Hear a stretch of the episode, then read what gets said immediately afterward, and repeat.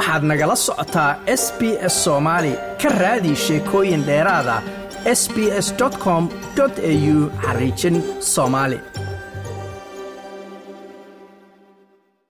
iyadoo maanta ay bulshooyin muslimiina ay ciideen berrina dad badan oo kale ay ciidayaan waxaanu ka waramaynaa qaybaha jaaliyadaha kala duwan ee dalkan australia. Sheekh cabdulqaadir jimcaale waxa uu ka tirsan yahay jaaliyadda magaalada sydney. Sheekh cabdiqaadir soo dhowow bal soonka sanadkan haddii sida loo soomay iyo wuxuu uga duwanaan karo soomamkii hore bal haddaad noo dulmarta wacalaykum asalaam waraxmat ullaahi wabarakaatuhu ilaahay towfiiqda hana waafajiyo ilaaha loogu mahadiyaa bishii intay noo dhalatay noo dhammaatay waa waajib saaran oo shanta tiira islaamka ka mid ah.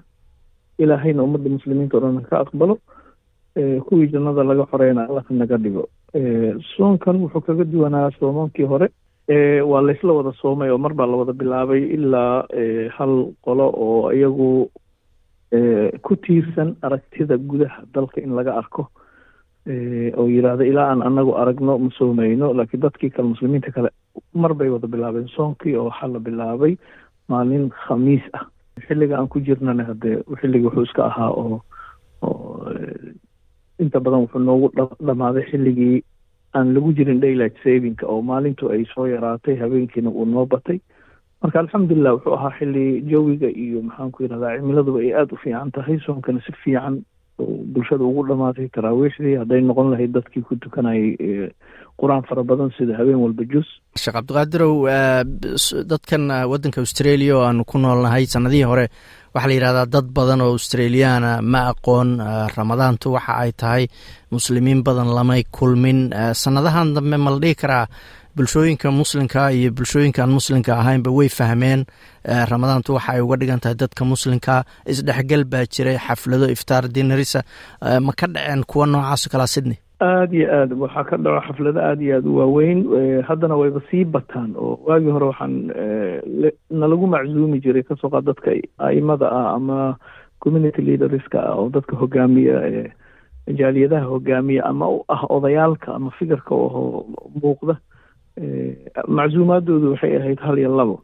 Hadda waxaad dareemaysaa soonku maalintu bilowdo ilaa dhammaadkiisa shan ilaa lix goobood oo muhiima oo dad muslimiina iyo muslimiin ahayn ururo muslimiin ururaan muslimiin ahayn sida dowladda oo kale gobolka ay maczuumaan dadka muuqda ka muuqda bulshada.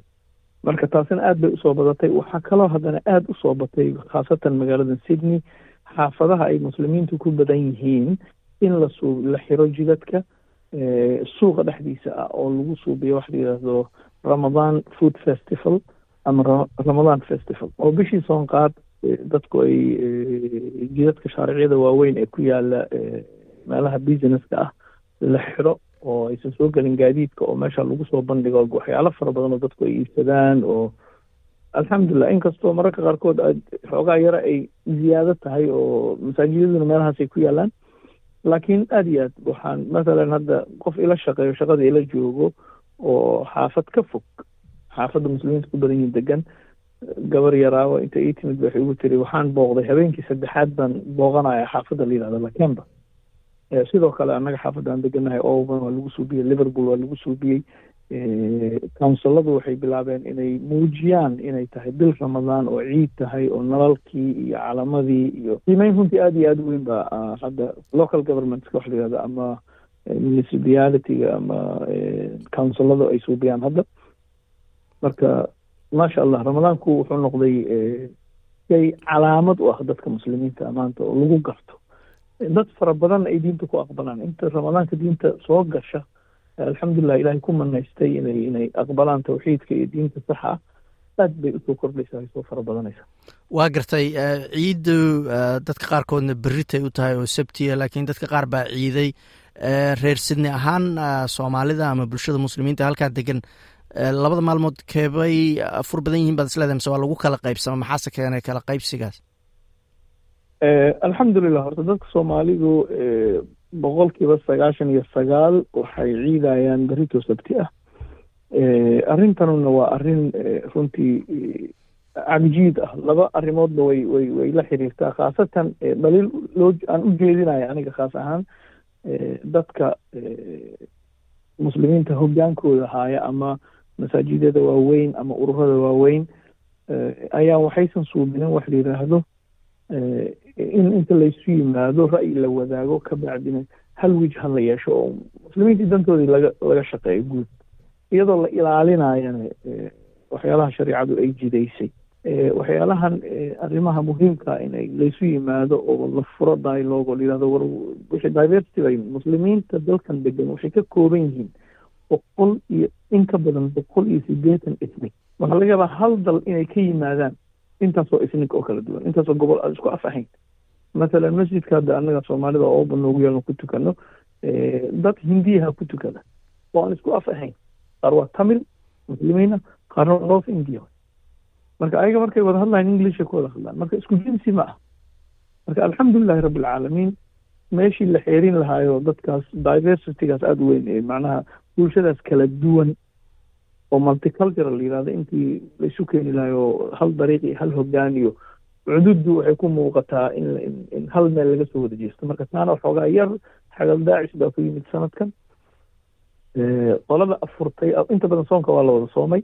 Qolada afurtay maanta afurka aada iyo aada ugu adkeysatay waxay ahaayeen dad horay u han jiray hogaanka muslimiinta new south wales oo layihahdo l m a marka iyaguna way ku adkeystaan inkastoo hadda bulshooyinkii kale iyo ururadii kale ka xoog bato ka tiro badan insha allah laakiin waxaa la bilaabay xiwaar ama dood ah sidii waxaan loo looga gudbi lahaa insha allahu tacaala soomaaliduna beri bay wada ciideysaa boqol kiiba sagaashan. Dambeynta sheekh cabdiqaadir oo berito oo soomaalidu sida sheegtay intooda badan ay ciidayaan maxaa inay qorshaysan xaggee lagu ciidaa matalan? Ma jiraan xaflado ama meelo dadka muslimiinta ama soomaalidu ay isugu imanayaan alxamdulilah rabbi alcaalamiin horta waxa waaye midda kale maalinta waa maalin qoys. Dadku inta badan caruurtooda iyo ayaga isku mashquulsan way jirtaa in in meelaha qaarkood la tago si organized sometimes sometimes si aan aan aan isku duba dhacsanayn marka inta badan meelaha la tago meelaha botanic gardenska la yidhaahdo oo dadku isugu tagaan centennial park maxaan ku yidhahda auburn botanic garden dhowr meelood oo meelahaas oo kale dadku isugu yimaadaan oo baagaga ah laakiin wax official organize garaysan oo maxaan ku yidhahdaa bannerskiisa wata ilaa iyo hadda ma hayno waa jiri jirtay waagii hore laakiin xoogaago hadda xagal daacin baa iska jirta oo. Dadkii qaban qaadan jirayna retire ay noqdeen dadkii yaryaraana weli umaysan qumin hawshi. Marka insha allah waxaan rajeynaynaa adigu momentumka hadda ku socdo. Muslimiinta kalena way suubiyaan oo aada iyo aadaan loogu tirtirsiya marka inta badan waxaa la tagaa meelaha taagaga ah oo soomaalidu isugu tagto. Dadka muslimiinta o dhanna ay tagaan annaga kaliya gooninoo maaha ilaahay tawfiiqda hana waafajiyo. Ummadda muslimiinta ilaahay kheyrka bishaan ay lahayd oo dhan dembigooda allah ku dhaafo. Intii jiraan caafimaad allah ku siiyo intii dhibaataysan dhibaatada allah uga bixiyo. Khaasatan dalkii aan ka soo qaxnay ilaahay in colaada ka joojiyo ummadana qalbigooda ilaahay isu keeno. Ramadaankan ilaahay hanoogu hanooga aqbala arrintaas. Kaasina wuxuu ahaa sheekh cabdulqaadir jimcaale oo ka tirsan jaaliyadda magaalada sydney ee gobolka new south wales kana mida culummada halkaasi degan ma doonaysaa sheekooyinkan oo kale? Ka dhegayso apple podcast google podcast spotify ama meel kasta oo aad bodkastigaaga ka hesho